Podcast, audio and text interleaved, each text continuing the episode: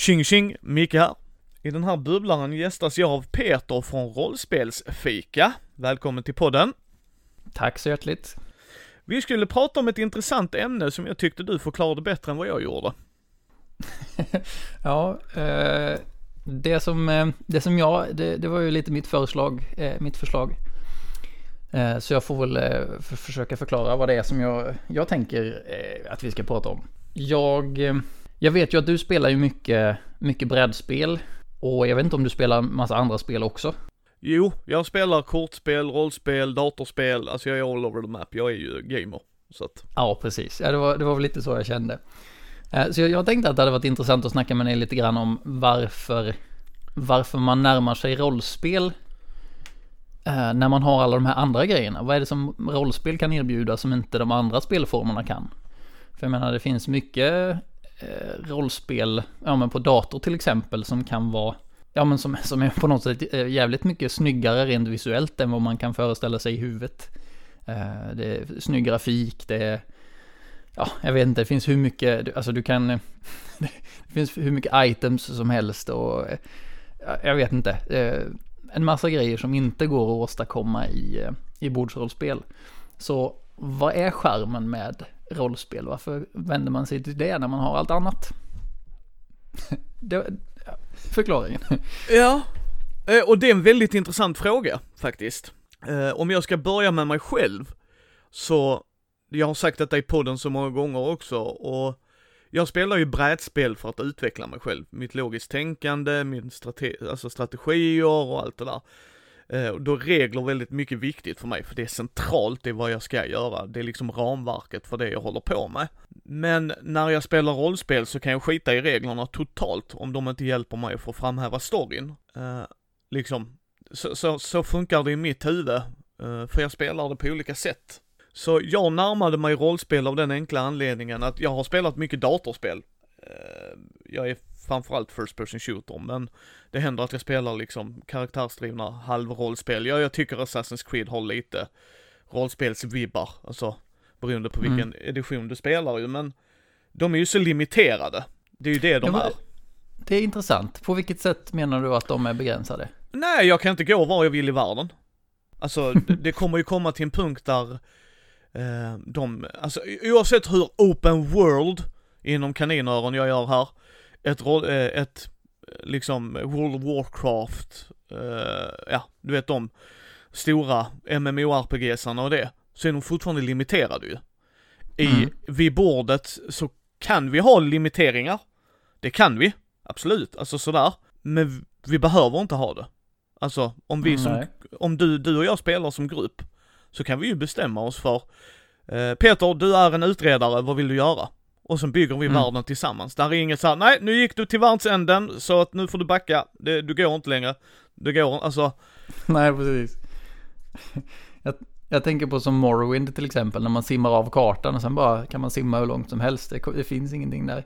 Precis, eh, eller i Assassin's Creed när du osynkas och putas tillbaks eller, ja du vet i, i, i, andra spel, alltså där, där äh, världen är, och du, du kan göra det i rollspel också, det förstår jag ju. Uh, men det är så mycket friare. Och jag är inte limiterad i kortkommandon och knapptryckningar.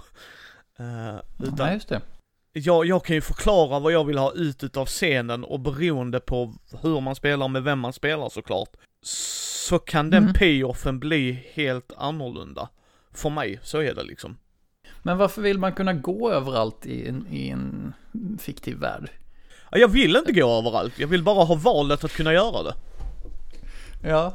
Alltså hänger för... du med? Alltså... Ja, jag tror jag, tror, jag, jag, tror jag förstår men... Om vi, om jag... vi tar det här som exempel Peter, ursäkta mig. Men vi säger så här ja. liksom, eh, om, om någon skulle säga, ja du har bara den här staden. Okej? Okay? Så jag får aldrig lämna staden? Nej. För där finns inget utanför. Så bara, jaha, är det, är det för att du inte har kommit på något? Ja. Jaha. Då, då känner jag mig limiterad helt plötsligt. Alltså då, det kan fungera. Jag har spelat rollspel där vi är väldigt limiterade i stadsdelar och det är fortfarande väldigt kul. Men vetskapen att kunna röra sig bortom det funkar också. Alltså mm. bara ha den liksom. I, I, ett datorspel, som jag älskar att göra när jag inte, det är det jag gör istället för att spela brädspel solo eller rollspels soloäventyr. Då sätter jag mig vid datorn och spelar spel. Och jag, jag, tycker att det är, för mig är rollspel liksom, den fyller den funktionen. Plus att jag kan beskriva vad jag vill göra. På ett helt annat sätt än att jag trycker W framåt. Mm. Liksom. Men det, det angränsar lite grann till en, en, eh, en, teori, eller vad man ska säga, eller ett koncept som kallas för Paths and Fences, eller på svenska stigar och staket, eh, och är någon form av designtänk. Så att många brädspel är ju eh, konstruerade utifrån att man sätter upp staket för, alltså inom den här ramen är det som som man får lov att agera. Man, har, man kan göra de här sakerna. Eh, och man kan liksom inte gå utanför staket. Och det är ju också samma sak som finns mycket i datorspel, att det finns liksom invisible walls som gör att du inte kommer vidare. Men, och i rollspel så är det ju mycket så att man inte har de, eh, de begränsningarna. Men samtidigt så finns det, ja, det är lite som du säger, alltså det är inte alltid man vill lämna staden. Jag tror, det här är väl lite av ett, ett sidospår egentligen, men jag tror att en, en mer fruktsam speldesign i rollspelssammanhang är ju att jobba med paths istället som då... Det, tanken är att man visar spelarna så här vad det är meningen att man ska gå. Här är stigen, det, det, här, det är här ni ska gå. Ni får lov att gå av den om du vill. Men jobbet som spelet och spelledaren gör är ju på något sätt att göra stigen så pass intressant eh, att, man inte, att man inte lämnar den ifall det inte är någon särskild anledning liksom. Men eh, det, det är ett, jag, så att, jag vet inte, jag, jag, är lite inne på att det här med, med begränsningen, det, det, är liksom mer en känsla än en faktisk begränsning. För jag menar, när du, när du sitter vid ett spelbord och spelledaren har förberett ett äventyr, uh, nu, nu står ni framför den här grottan, vad gör ni? Ja, nej, jag, jag, jag går hem igen. Eller så, jag, nu har ni kommit till den här ön som ni ska utforska. Nej, men jag, jag skulle vilja se vad som finns på nästa ö istället. Eh, det är ju sådana grejer som får spelmötena att bryta ihop och spelledaren bara kastar sitt, eh, sitt äventyr i papperskorgen. Jo, eh, absolut. Men jag, men jag tänkte på en annan grej också. I, även om ett äventyr är rälsat, som vi pratar om i det här läget egentligen. Du ska in i grottan Micke, oavsett om du vill eller ej. Du ska in mm. i grottan. Och jag har inga problem med det heller. Alltså äventyr är väldigt svårt att förmedla om det inte är rälsat. Alltså, för någonstans har du en vision med ditt äventyr och någonstans behöver du få spelarna att gå. Alltså hänger du med? Och någonstans måste den här NPCn komma in, eller SLPn. Men mm. som spelare, i ett datorspel, mer eller mindre beroende på vilket datorspel. Men vi ska ta min Guilty Pleasure, Assassin's Creed. Det är min Guilty mm. Pleasure. Det är liksom så här, det är, det är Ubisoft, det bugar ju mer än vad fasiken du sitter och spelar spelet för helvete. Men det är ett fantastiskt spel för storyn för min del. Men jag får inga konsekvenser för valen jag gör. Alltså, Nej, Om, om min arbetsgivare i rollspelet beter sig som en douche och jag ber han fara åt helvete eller vi löneförhandlar och vi håller på, och nu pratar jag om när man har en tillmötesgående spelledare, så blir ju mina val av vikt, även om det är rälsat, även om det är liksom eh, staket och stigar. Så, så spelar ju mitt val roll, hur jag väljer att interagera med SLPs och eh, monster och jag kanske hittar på en lösning. Om du är en, en spelledare som uppmuntrar mig att hitta på lösningar liksom att oj, du spöar monstret på det här sättet. Vad va intressant. Ja, det borde ju kunna gå. Varför skulle det inte här gå? I, mm. i, I ett datorspel sker ju inte det, utan det är ett sätt att göra det på, eller två, eller tre. Men du kan inte gå off script, eh, och förstår jag själv, det förstår jag också. Det är ju ett sju helvete svårt att göra. Vissa, vissa spel som uh, Red Dead Redemption, där har de ju mycket så att beroende på hur du går in i staden, vem du skjuter, alltså det är sådana grejer, det får effekter. Mm. Uh, och det gillar jag ju då mer, men det älskar jag i rollspel, att även om du och jag kör ett rälsat äventyr, så beroende på min karaktär interagerar med världen, så kan det få lite betydelse åtminstone. Ja, visst. Där tror jag verkligen att du är inne på någonting som, eh, som, är, eller som, som jag också ser som charmen med rollspel. Just det här att man, att man som spelare verkligen får sätta sitt avtryck i eh, fiktionen. Och att det man gör spelar roll. För det, det är väl egentligen, eh, det finns mycket så här snack om, vad ska man säga, player created narratives och sådär i datorspel. Att man till exempel hittar på att i Fallout så ska jag vara, jag, man hittar någon teddybjörn någonstans eh, och sen så tänker man att ja, jag ska bli teddybjörnarnas räddare och sen så går man ut på sitt eget lilla quest som man hittar på. Att man ska samla alla teddybjörnar och stoppa dem i sitt hus. Um, Och det spelar ingen roll hur många teddybjörnar du samlar liksom för att det här narrativet som du skapar för dig själv, det är ingen i spelvärlden bryr sig om det. Det får inga konsekvenser att du har samlat 5000 nallbjörnar i ditt hem. Och det är ju Nej. sånt, det är där att, att man som spelare kan skapa sina egna narrativ. Eh, och att, att världen reagerar på det som jag tror är en stor, eh, en stor dragningskraft. Och det tror jag också, nämligen. Mm. Eh, och sen beror det på när man pratar rollspel, för det är ju det som är intressant. Tack vare när jag började med podden så har jag djupt dykt ännu mer i den här hobbyn än vad jag någonsin trodde att jag skulle göra. så, så som du sa innan, jag vet, jag tror det var off mic, att vi har ju folk som spelar rollspel, men de gillar att ha figurer på kartor och pjoa med dem och du vet strida och allt sånt där. Mm. Sen har vi folk som lajvar mer eller mindre. Alltså otroligt går in i karaktärerna på sån djup grad, liksom att de klär ut sig eller klär upp sig eller ja, alltså de cosplayar det. Uh, och sen har du folk mitt emellan och, och allt möjligt. Och det tycker jag är väldigt intressant. Jag tror jag aldrig nog, ah, jo det har jag fasiken i min hobby mött så kränkta människor som vissa rollspelare och brädspelare kan vara. uh, ja. och, och, nej, om vad jag menar med det är att av någon anledning så ska folk lära folk att spela ett visst typ av spel bara för att det är det bästa spelet någonsin. Uh, missförstå mig rätt, alltså jag tar kränktheten med lösa, alltså där är människor som verkligen blir upprörda över. Gillar du inte Dungeons and Dragons Peter? Det är ju världens bästa rollspel och du bara, fast det gör ju inte det jag vill. Nej men då har du fel. Jag tycker att Peter inte har fel, eller den andra individen, för att det tycker att den, den utfyller den funktionen hen vill ha. Medan mm. det kanske inte gör det för dig.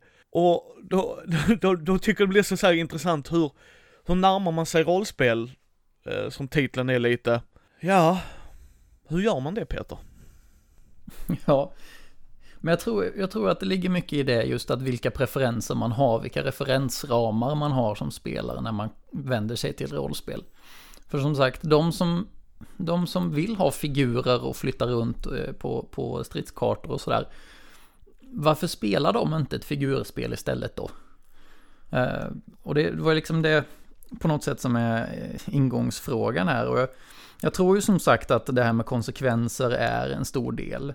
Och också det här som du har sagt eh, innan att, att kontrollerna, om man inom citationstecken, eh, är mer granulära. Alltså jag kan välja att lösa saker precis hur jag vill. Jag kan hitta på helt egna lösningar som inte någon kan ha eh, förutspått. Och det, och det finns liksom en möjlighet att det, att det funkar. Så att man, man är inte begränsad till att lösa saker med våld eller magi eller med övertalning. Alltså det är tre knappar liksom som man kan välja vid varje, vid varje hinder. Eh, så, men, men, men sen hur man närmar sig rollspel, det, det tror jag är väldigt olika.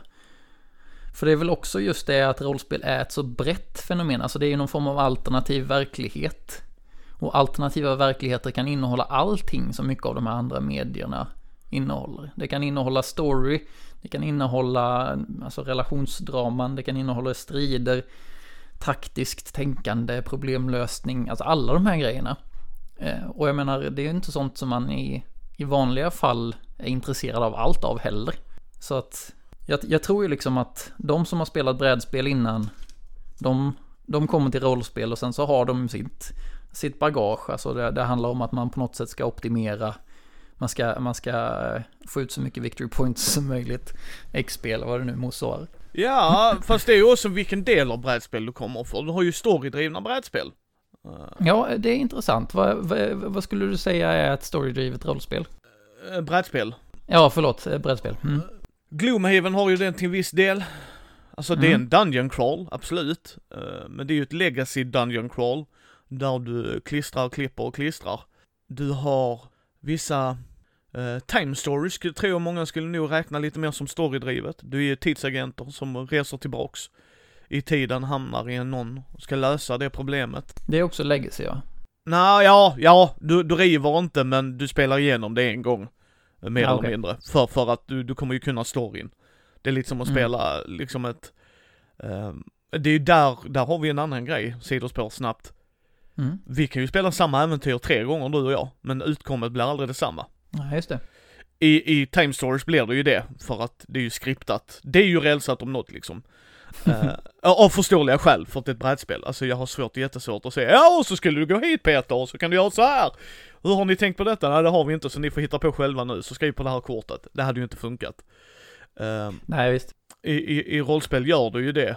Uh, och är det ett bra skrivet äventyr så har du mer än ett utfall. Så att du kan välja liksom, hm, den här gången vill jag köra så här. Så att spelarna hålls på tå liksom. Haha, nu hoppar jag på den killen, fast det är inte han som är skurken. Jaha, oj, oj då. Hejsinge. Uh, så att du har ju den, den sidan också som kan komma in. Och jag tror, det är det här som är väldigt spännande. Om jag vänder frågan till dig, mm. så kan jag svara på den sen också. Varför spelar du rollspel Peter? Ja, det är en bra fråga. Um, jag har ju lite grann i samband med att jag skrev Fornsaga så kikar jag ju ganska mycket på, på eh, liksom teorier kring rollspel och sådär. Eh, och teorier kring spel överlag. Och då brukar man prata om four kinds of fun. Eh, som är applicerbart på, ja men på datorspel mycket. Men jag tyckte att det fanns mycket man kunde ta därifrån och även applicera på rollspel. Och det, man, det som jag översatte det till lite grann eh, är ju i princip att du har eh, du har fyra olika eh, saker som liksom motiverar dig som spelare. Det kan vara eh, gemenskap, att det är ett sätt att umgås på. Det kan vara eh, bemästring eller bemästrande, alltså att man eh, bemästrar en aktivitet, man lär sig optimera den och eh, göra den så snyggt som möjligt. Det kan vara att eh, att leva sig in i en karaktär, att karaktärsspela. Och eh, det kan vara någonting som jag kallar för autonomi, eh, vilket motsvarar väl i princip att man, att man har lov att man har lov att sätta sitt avtryck i spelvärlden, att man själv är med och skapar innehåll på något sätt. Och, så det, det är lite den referensramen jag har och jag skulle säga att eh, i mitt fall så är det en, ja, eller jag tror att i allas fall är det en, en eh, kombination av de där. Men i mitt fall är det i alla fall en kombination av gemenskap och autonomi. Eh, för jag, jag, jag, tycker att när rollspel är som bäst, det är när man, när man hittar på grejer tillsammans och spinner vidare på varandras idéer. Och man lägger upp för, eh, ja men så här, min liknelse som jag har i huvudet är liksom någon form av volleybollspel där man lägger upp en smash, eller man lägger upp för att någon annan ska kunna göra en smash. Eh, man, man lägger upp liksom ett saftigt ögonblick för någon att avslöja sin hemlighet till exempel, eller, eller för ens egen hemlighet att bli avslöjad. Och sen så är det någon som nappar på det utan att man har behövt kommunicera det liksom explicit, att nu kommer jag lägga, lägga upp det här eller liksom eh, blotta min hemlighet. Eh, och då kan ju du eh, avslöja mig. Utan att eh, det kommer, man skapar någon form av lagkänsla som, som som då gör att de andra, ja men man börjar tänka som en grupp istället. Eh, det är det som man inom improv kallar för group mind. När alla undermedvetet börjar tänka i samma banor för att man har umgått så mycket och man lär sig hur de andra tänker. Det tycker jag är det bästa med rollspel. Eh, långt svar på en kort fråga. Ja, nej men det är inte alltid lätt att liksom fundera ut på. Alltså för mig är det ju ett samberättande. Jag gillar ju att samberätta med folk. Det är ju det jag gillar med rollspel, att uh, att leva sig in i andras situationer, andras val, att få bli utmanad på ett helt annat sätt än jag blir i brädor, brädspel eller kortspel eller figurspel, för där kan jag också bli utmanad och tycka att det är kul. Men i, i min värld så kan du ju, i rollspel så kan du ställas inför ett val som jag som Micke inte kanske ställs för, för att jag är en vanlig lastbilschaufför. Så jag möter inte de tuffa besluten i världen. Men i, i rollspelet så kan jag vara en superhjälte som står framför eh, någon som utnyttjar barn. Vad gör jag med den individen? Är det bara för mig att avrätta den eller sätta den i finkan i ett korrupt samhälle kanske? Alltså vet de, de valen man väljer att göra, att det avstampet som du säger, alltså att man, man får göra ett avtryck i världen, men man får göra det med sina vänner runt bordet. För de har ju ett e- annat sätt att tänka på, ett annat sätt att se det, även om vi kanske vill uppnå samma mål. Liksom, så här, så här långt vill vi gå. Vi vill gå till 10 liksom. Men resan dit förändras ju på grund utav hur vi interagerar med varann. Och jag kan ju säga så här, har spelat mycket datorspel i mina dagar. Jag har typ såhär 800 timmar i Civ 5 uh, och uh, ska vi inte ens tänka på hur många timmar jag har i alla Assassin's Creed-spelen då jag har spelat igenom alla. Men jag minns inte de grejerna. Alltså jag minns, du vet såhär, vissa gånger kan man minnas en så här, alltså jag minns storyn i Assassin's Creed och liksom, alltså berättelsen. Att, ja men det här gillar jag, jag tyckte det här var ett intressant uppdrag. Medan i rollspel, alltså rent krasst hade du och jag nog kunnat sitta i timmar och bara berätta galenskaper vi har gjort runt bordet. Mm. Precis Ja, så absolut. som att, om vi hade varit där, alltså i världen. Och gått suttit vid lägerelden. Liksom, i fornsaga om vi tar ditt rollspel som exempel där. Mm. Att, att vi hade suttit vid lägerelden och berättat sagor. Men som att vi har varit där. Och för mig är det fantastiskt. Jag har inte hittat det utloppet någon annanstans. Nej, men det, det är jävligt intressant. Eh, för, för att det är också det som jag tänker på något sätt. Det är skärmen, alltså att storyn blir så pass mycket mer värdefull i rollspel. För det är på något sätt den enda outputen man får. För mig så, det, alltså typ alla föremål och sådär. Du, du hittar ett legendariskt eh, drakdräparsvärd. Så bara, ja vad coolt. Och sen så lägger man undan karaktärsformuläret och så bara, ja. Eh, ja, det är ju bara en rad text på ett papper egentligen. Alltså, så här, vad, vad har jag egentligen fått? Så att i slutändan så är det ju de här berättelserna och det som man minns som är slutprodukten av spelandet. Eh, och som du säger att i typ datorspel och sådär, det är ju jätte... Jag har, spelat hur många timmar som helst datorspel. Och det är ju väldigt, särskilt så här actionspel, så minns man, man minns vissa banor, man minns, eh, ja man minns vad man gjorde, liksom man sköt ihjäl folk till höger och vänster eller så här om man gjorde något snyggt. Ehm, men storyn är ju oftast något av det som man minns sämst. Eh, Eller i alla fall för min del, att jag, jag, kan, jag kan tänka tillbaka på vissa spel och så bara, ja men varför var jag där egentligen på det stället? Jag vet om att det är liksom tredje banan eh, och att det är dit man ska gå när man har fått det uppdraget, men vad var det egentligen jag skulle göra? Jag minns inte varför. så att, eh, ja men ta bara, eh, vad heter det nu, med Shadow of Mordor. Ja. Eh, som jag tyckte var faktiskt ett skitbra spel på jättemånga sätt. Eh, men det var ju absolut inte för storyn som, eh, som jag spelade det spelet. Eh, storyn var ju bara, det var ju bara någon form av backdrop. Medan det som var i centrum var ju de här, alltså och bara se på hur många snygga sätt man kan döda orker på. Alltså, det är sån jävla slaktfest. Och det är så himla, de har verkligen tagit de här små grejerna, alltså typ ljud och när tiden saktar ner inför vissa grejer och sådär. Bara tagit alla de här sakerna som man som, som människa eh, uppskattar på något sätt. Eh, och, och kapitaliserat på det fullständigt.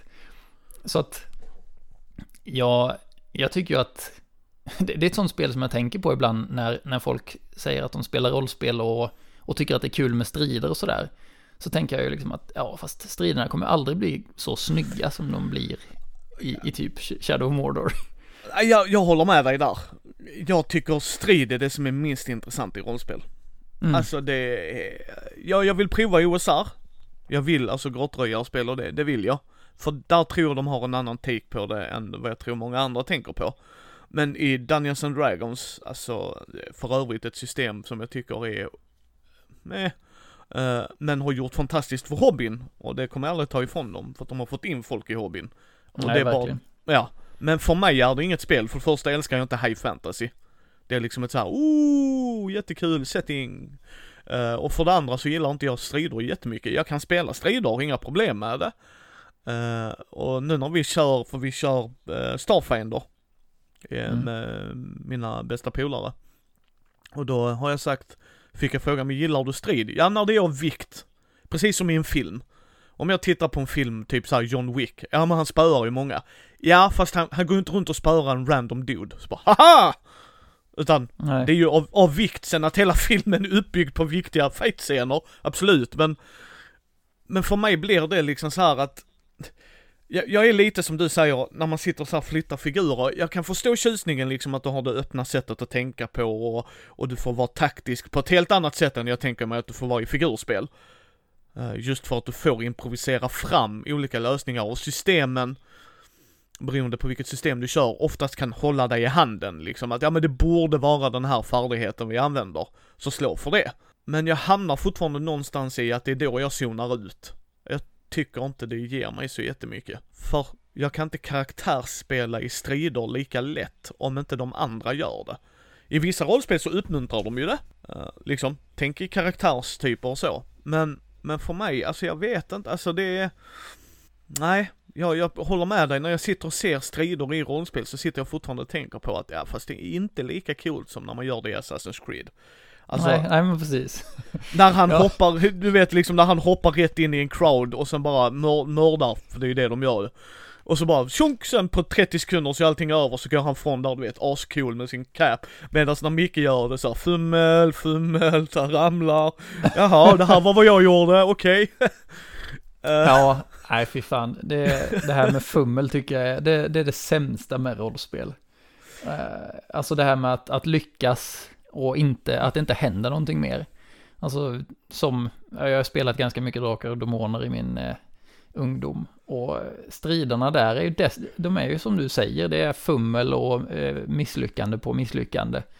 Man ser sig som någon form av cool, eh, liksom Aragorn-typ.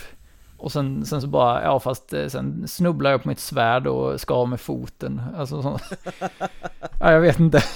Allt möjligt jävla skit. Eh, och, och det, det, förstör ju full, fullständigt bilden av, som man har av både sin karaktär men också vilken stämning spelet har. För jag menar, det blir ju någon form av slapstick bara. Ja, precis. Nej, men för det är det jag håller med dig om, om vi, vi ska ta den aspekten med för rollspel för mig handlar väldigt mycket om regelsystemet som är mig i ryggen. Folk säger liksom att, ja men du kan ju karaktärsspela i Dungeons and Dragons. Det, det kan du. Och, och bara titta på critical role, det skulle jag vilja påstå att de gör ju. Mm. Uh, liksom sådär. Men systemet i sig, jag vet inte om du håller med mig, men jag skulle gissa på att du gör det, uppmuntrar ju inte med hjälp av reglerna. Alltså boken i sig kan uppmuntra, spela era karaktärer, här har ni fluft, så här tänker alver, så här fungerar gnomer, liksom alla de grejerna. Sure, men det är ingen regelmekanisk hjälp till mig. Nej, det är inga regler som afforderar eller belönar ett visst sätt att karaktärsspela på. Um, och det var lite det det var lite det som jag uh, hade i åtanke när jag gjorde XP-systemet till, uh, till Fornsaga. Att man får, man får XP för att spela på sina karaktärsdrag och sen får man, ja, ja man, får, man får XP av att delta också vid, vid spelmötena. Men annars är det de två grejerna. Uh, för att det måste finnas någon form av, eller jag tycker att karaktärsspelandet är så pass viktigt att det är någonting som måste aktivt belönas. Det kan inte bara vara en biprodukt av att man sitter och spelar rollspel. För, för nu har vi, du har ju sagt karaktärsspel nu flera gånger under tiden som vi har snackat. Och det slog mig nu att det är ju karaktärsspelet som på något sätt är det som, som gör rollspel unikt. Det, jag tror i många fall att det är det, det är det enda som man inte kan åstadkomma i något annat medium. Alltså man kan sitta och spela brädspel och eh, köra Pandemic och låtsas vara någon läkare där och eh, liksom försöka väva in något narrativ eller Arkham Horror eller vad det nu är. Ja, och även som... kunna, förlåt mig, och även kunna utveckla de karaktärerna med XP, men det blir ju fortfarande inte samma grej. Alltså. Nej, nej precis. Och det är ju ingen som har tid att sitta och spela, spela det så jävla länge. Så bara, ja men jag, jag orkar inte lyssna på din monolog nu, nu du ska ha när du ska gå in i det här, i den här rutan liksom. Kan du inte bara slå ditt attackslag nu så vi får bort kultisten? För det, de håller på att öppna en portal på andra sidan där. Så jag menar, det, det blir ju ett helt annat fokus. Och, och även datorspel har ju den begränsningen att du kan, många gånger har du ju liksom dialogträd och sådär. Eh, du kan liksom ge en ton av vem din karaktär är. Du kan, du kan välja ifall den ska vara grumpy som fan och ta de kort, eh, korthuggna svaren eller du kan, det kan vara någon som är inställsam och så försöker man persuada alla i vart och varannat slag eller vartannat val. Ehm, men just det här att det blir ju inte din karaktär. Det blir ju alltid någon annan som på något sätt har målat upp vilka karaktärer som finns. Och, och hittar man på någonting eget så bryr sig inte spelvärlden om det. Eh, så här, jag, min karaktär har en förbläss för, ja, vad kan, ja, nallebjörnar då till exempel. Ja. Eh, men, men det är ingen som bryr sig. Så här, men medan hade man haft det rollspel så hade det blivit en grej. Spelledaren hade ju troligtvis nappat på det och försökt, försökt spela vidare på det på något sätt. Ja, och det, och jag förstår nu kanske sitter och lyssnar och säger, hänger det inte mycket på spelledaren? Både ja och nej. Jag säger det hänger på gruppen. Vad är, varför vill ni spela en typ av grej? Alltså jag kan säga det om kortspel eller om figurspel. Om vi tar figurspel. Jag har spelat figurspel way back in the day. Eh, Jag gör Mm. inte det så mycket längre för att eh, det är inte kul oftast. Eh, Det handlar ju om vem jag spelar mot. Alltså är, är premissen att Peter är en 40k-spelare som älskar att vinna och krossa mig till tusen, ja då kommer inte han och jag spela 40k, för jag spelar för fluffet, casual, tar lite roliga enheter och sätter upp. Uh, nu spelar inte jag för att vinna i den bemärkelsen, men det är inte så jävla roligt hela tiden att hela tiden misslyckas. Alltså, även jag får liksom kickar av att kunna göra bra ifrån mig. Och då kan ju folk säga, ja men du kan ju spela bättre. Ja, det kan jag. Men då försvinner fun-faktorn för mig, alltså det roliga i det. Och samma premiss blir ju lite när vi spelar rollspel och jag har läst eh, fornsaga nu och ska göra, har gjort intryck på det som jag ska redigera här. Ja, Eh, just det. Ja, en en grej jag älskade i den boken framförallt är just hur du beskriver med stora penseldrag de fyra olika karaktärstyperna. Alltså, det är liksom, just det. om, eh, om, om vi sitter en, rullspelare som jag skulle kalla det, alltså Optimizon. Och, och, och hen sitter där och optimisar och vill göra det bästa det bästa och så sitter du och jag och gör jättedåliga karaktärer som ska utvecklas till bättre karaktärer då kanske inte den personen har kul. För att vi gör inte de bästa valen. För det är inte så du och jag tänker att vi ska, vi ska inte börja med att vara världsbäst. Det är en av få böcker jag har läst som faktiskt säger det till någon som plockar upp ett rollspel. Ja. För, för, för det, liksom förstår du hur jag tänker? För det vissa, vissa rollspel nämner inte ens premissen. För premiss pratar jag inte bara om, nu ska vi spela postapokalyptisk värld i MUTANT år 0. Ja det säger mig bara om settingen, inte hur vi spelar det. Jo men du rullar D6or, det är en D6-pool. Nej nu pratar du regelmekaniskt, inget fel med det. För jag kan ha preferenser där också. Men vi pratar fortfarande inte om varför vi spelar det. Vad är premissen? Ja men vi ska vara mutant. Nej nej, jag pratar om varför sitter du vid bordet, Kajsa? Och du Kalle? Ja. Varför är vi här? Och är man tydliga med det, vilket jag älskar att du skrev, eh, och ibland får man kompromissa, det fattar jag också, det ska inte vara, alltså så här, jag kan kompromissa väldigt mycket, det är fine. Eh, Och det tycker jag att man ska göra. Om, alltså antingen hamnar du i världens bästa grupp och alla är, är homogena och allting fungerar fine and dandy. Föga troligt vill jag påstå. Men det kan ju hända. Men, men jag tror inte folk pratar om premissen heller och jag tror det skrämmer lite folk. Nu är vi där med de som blir lite kränkta. Ja, ja men Dungeons and Dragons är världens bästa rollspelssystem. Så brukar man följdfråga, hur många spel har du spelat? Dungeons and Dragons. Jättebra. Jag behöver inte spela något annat. Nej, och det är fantastiskt att du inte behöver spela något annat och du tycker att det räcker. Och så frågar man mig då, Micke, hur många, jag läser ett rollspel i veckan i snitt. Ja, ta det för vad det är. Och jag spelar i varannan tisdagsgruppen så spelar vi fyra, fem omgångar med ett system och sen byter vi för vi vill prova grejer. Mm. Dungeons and Dragons är inte det bästa systemet för mig. för att min, för, för att min, min periferi har, du vet så här, växt. Ja, absolut. Nej men det är ju det, man måste ju prova grejer för att se vad man gillar och, och så länge alla är fine med att folk gillar olika saker och att eh, det inte att man inte har monopol på att kalla någon en viss sorts rollspel för just rollspel så eh, då tänker jag att det inte finns några stora problem. Men det är ju, eh, det var ju en av anledningarna till att jag, att jag hade med det i boken överhuvudtaget, hela det här eh, teorikapitlet eller vad man ska kalla det. Eh, det är ju för att jag tycker att det är någonting som, som är så himla centralt för aktiviteten, men som i princip aldrig pratas om. Och det är inte säkert.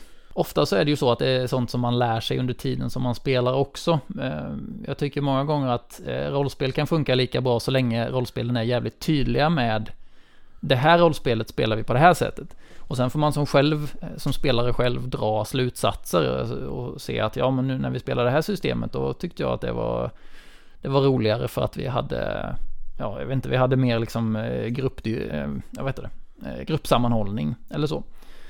Eh, och så kan man då spåna vidare på varför det var så och inte. Men problemet är ju att många tradspel ger skenet av att eh, det här spelet, det kan du spela precis vad som helst i. Det är ett generiskt, eh, generiskt system som du kan spela vilken berättelse som helst med. Och det är ju aldrig så. It's a lie, it's a lie, god damn you. Ja, men, men, men och, och då tänker jag att det som behövs är ju att gruppen snackar ihop sig om vad det är för typ av berättelse eller vad det är för fokus man vill ha. För jag kan som spelare också bli jävligt frustrerad när jag vill ha eh, relationsdrama eh, medan någon annan bara vill klara äventyret eller spöa monster. För, för jag menar, man har ju bara tre, fyra timmar på sig att spela och alla kan inte prata samtidigt. Och det är liksom, ja, ifall jag vill lägga tid på relationsdrama och ingen annan vill det, då kommer inte jag ha så jäkla kul med den gruppen. Även om man då ofta, som du säger, också eh, kompromissar. Ja, men där man kompromissar ju till en viss del. Jag har haft uh, rullspelare med mig och jag tycker inget fel om man vill spela rullspel, alltså OSR, grottröjarspel, fantastiskt. Men premissen är ju där då. Alltså, ta, vi har spelat uh, Gudasaga, mikrorollspel. Uh, premissen är där, det är ett mikrorollspel, det är över på en eller mm. två timmar. Man gör uh, hinder som uh, mål som de ska komma över, that's it. Fungerar skitbra för vad det är. Mycket, mycket ja, bra absolut. för vad det är. Absolut. Och, men, men sen är det ju också så att det gör ju bara en sak. Och eh, ifall man inte vill göra den saken, då är Gudasaga det, det sämsta spelet man kan spela. Precis. Och, och där kommer vi till vad du sa där med att, men det är ju Gudasaga tydligt med. Gudasaga är ju väldigt tydlig med det.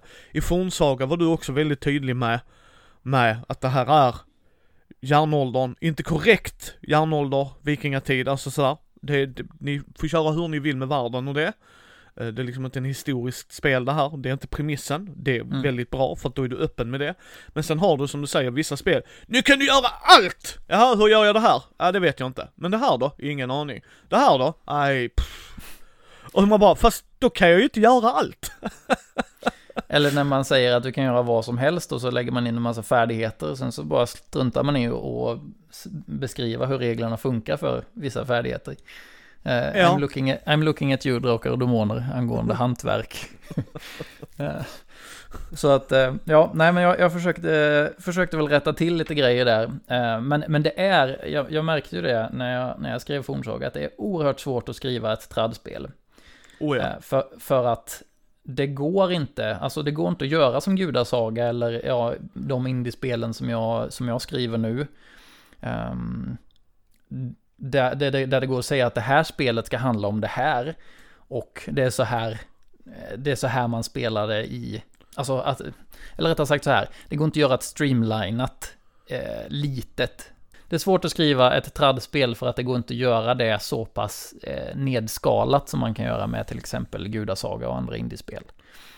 Eh, det går inte att säga att det är så här du ska spela det spelet för att ja, det, det ska liksom det ska simulera någon form av alternativ verklighet i någon mån. Eh, och där kan mycket olika grejer hända. Så där, där tror jag i alla fall att det är betydligt mer av vikt att man snackar igenom innan. Och för att, och för, för att namedroppa en lösning som jag tycker är jävligt snygg så, så vet jag att eh, Vindskäl som Lukas Falk håller på och skriver har någon form av, eh, ja, man är ju, man är ju ett, eh, ett band, man är, man är ett gäng, eh, ett fellowship som, som ger sig ut och äventyrar. Eh, och samtidigt som man skapar sina karaktärer så skriver man också i ett bandformulär.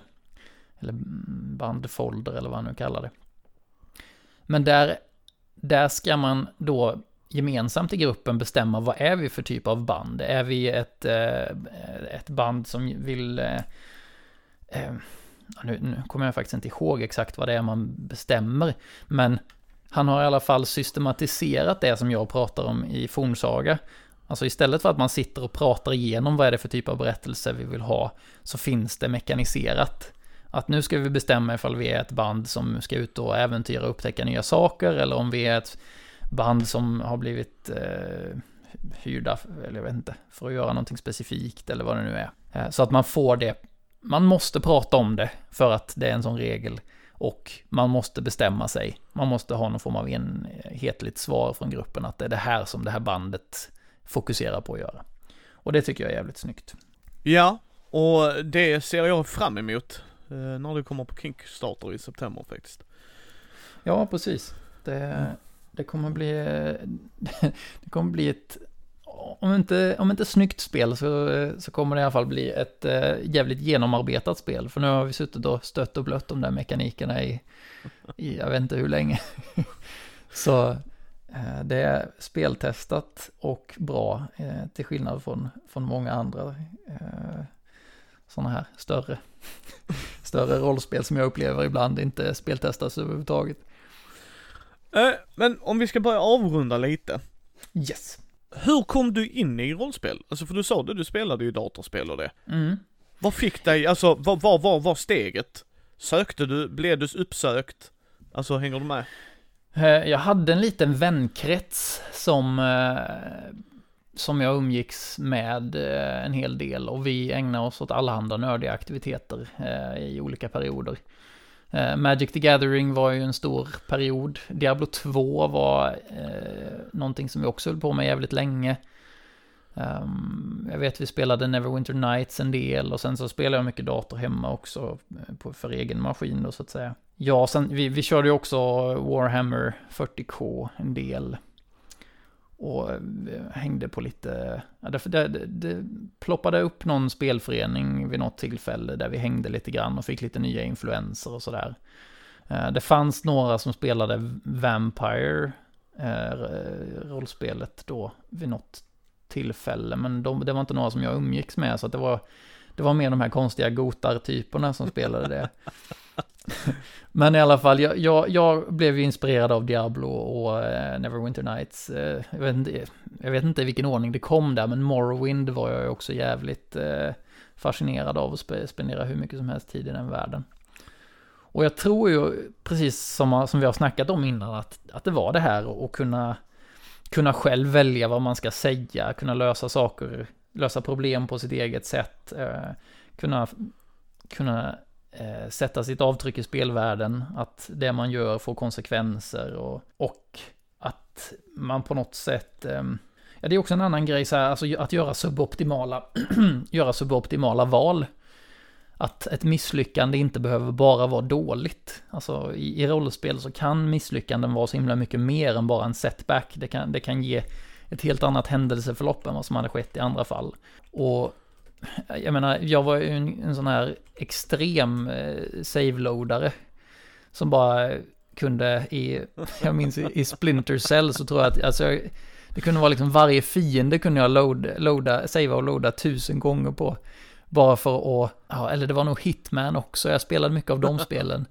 Men där ja, var det liksom mycket annan. att, här måste vi, här måste det här lösas på, på rätt sätt. Eh, och och när man då inte lyckades med det, man behövde spendera typ två, eh, två ammunition istället för att skjuta dem ett skott i huvudet med en gång. Sådana grejer, det kunde jag, kunde jag sitta och liksom försöka göra perfekt hela tiden. Och, och det, det, det kommer ju från den här grejen att, Eh, att ifall man inte gör det optimalt så, ja men då, det, det finns inga positiva konsekvenser av det. Så ja, jag behövde, eh, behövde dricka en jäkla massa health potions under den här striden. Ja, jag undrar om jag inte kan göra det lite bättre. Eh, och så spelar man om den en gång till och försökte göra det bättre och komma undan med mer health potions kvar. Ehm, och det är sånt, där tycker jag att rollspel och särskilt den här fail forward-varianten är, där, där, där skiner verkligen rollspelen. Jag kan inget annat än att hålla med. Alltså, om jag får välja Ja, alltså jag spelar ju hellre rollspel än datorspel. Alltså, så är det ju. Sen kommer jag försvinna i periferin nu, det har jag sagt till polarna när eh, Assassin's Creed Valhall släpps ju. Då ja, just det. försvinner jag ett par timmar liksom, kanske någon vecka eller två för att jag kommer att nöta det va. Men det är ju bara för att det är nytt och coolt och jag har följt storyn. Men överlag annars, alltså jag, jag spelar aldrig om ett Assassin's Creed. Alltså jag sitter ju hellre och spelar rollspel. Och det är faktiskt en grej jag skulle vilja se det är en IP jag hade velat se.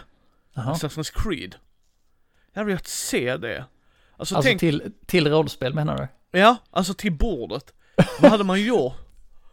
Alltså, ja, nu, nu, nu, har jag bara spelat första Assassin's Creed. Um, och jag minns inte ärligt talat så mycket från det. Men, men, men du, jag, jag, skulle precis säga att ja, men då gör du väl inte misstaget att du tänker att eh, du, du ska spela samma grej vid, vid spelbordet sen. Men, men så sa du det ändå. och och det, det, det jag känner är så här bara, precis samma sak som med Shadow of Mordor. Att Ja men du kan ju inte få de här snygga grejerna till, eller Nej, vad, vad, nej, vad, är du- vad, är det, vad är det du vill ha ut av det världen, som... eh, världen, världen, alltså världen, alltså för att du, du tidsreser ju, så att du kan spela ett även, det är lite som Torg tror jag det heter. Tänk dig att du är en, eh, en, alltså du spelar en assassin i olika tidsåldrar. Det hade varit intressant. Hur hade du löst det?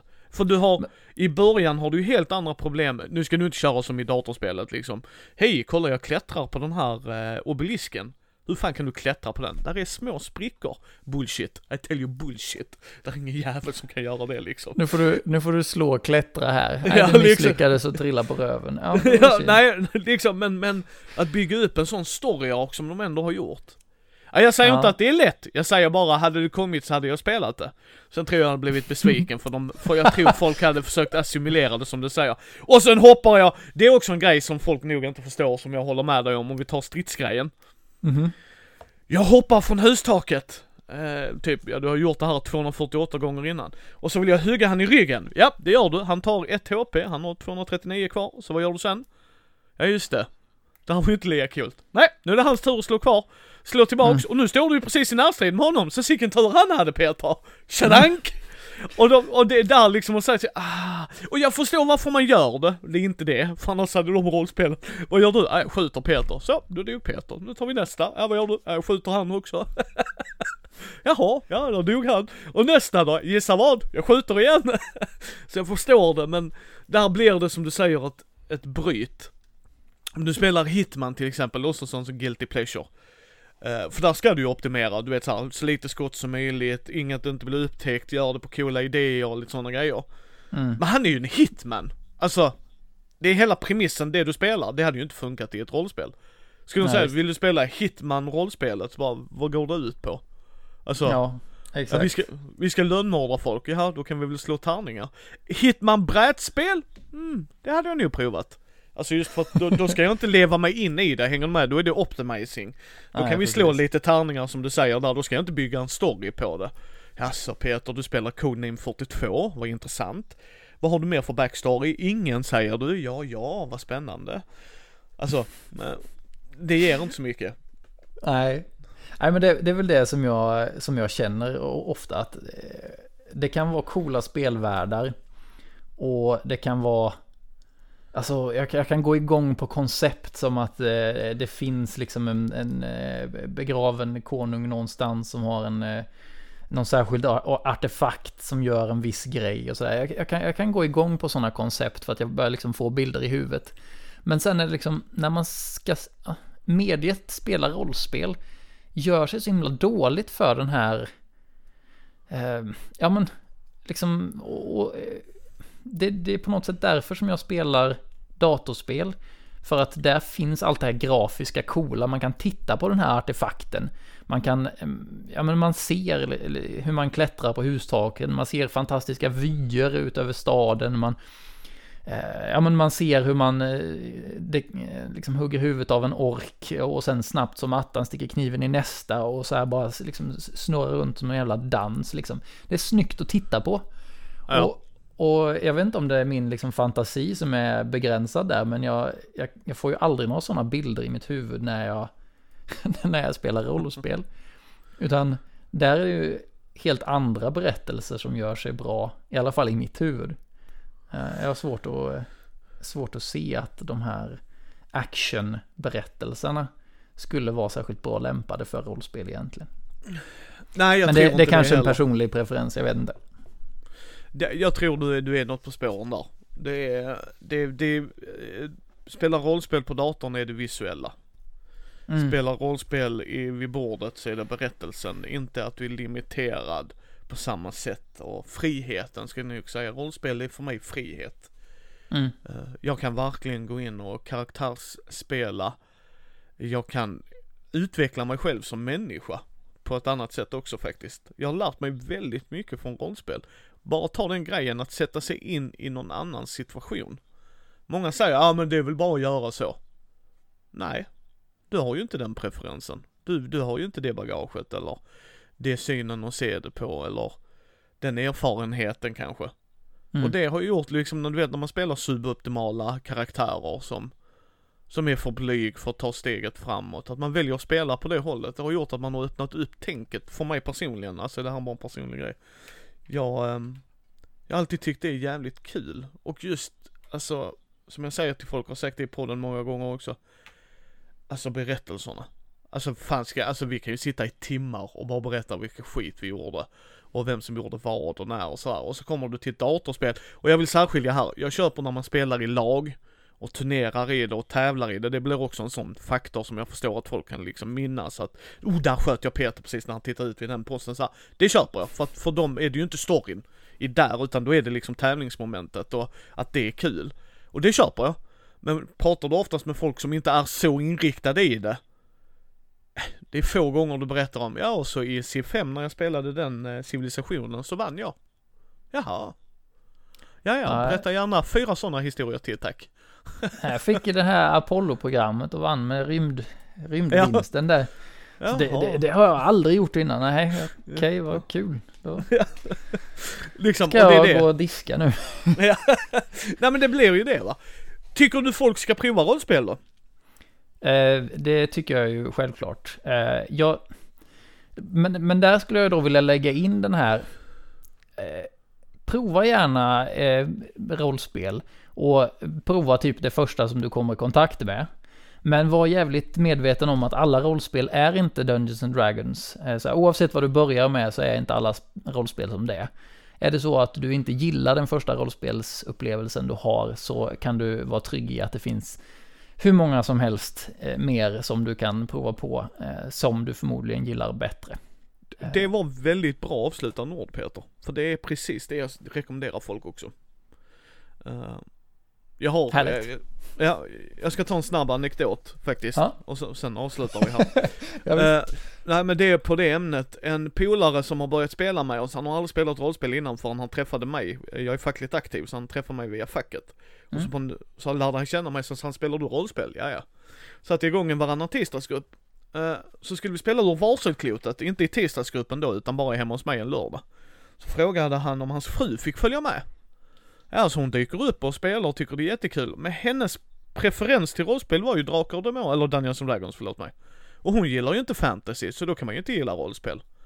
Och jag bara, alltså det är en liten del i, de säljer så in i helvete, det ska jag inte säga, men i själva produktmässigt så är det en väldigt liten del. Ja, visst. Jo, men det, det är ju så. Jag, jag, när jag, alltså jag vet inte, jag, jag är alltid så här lite kritisk mot eh, eh, Drakar och Demoner för att jag tycker att eh, folk pratar om det som att det är det enda som finns. Eller nu sa jag Drakar och Demoner när jag menade Dungeons and Dragons. Drakar och Ja. Demoner är som tur är, eller ja, jag ska inte säga som tur är, men det är en, det är en liten produktlinje nu för tiden.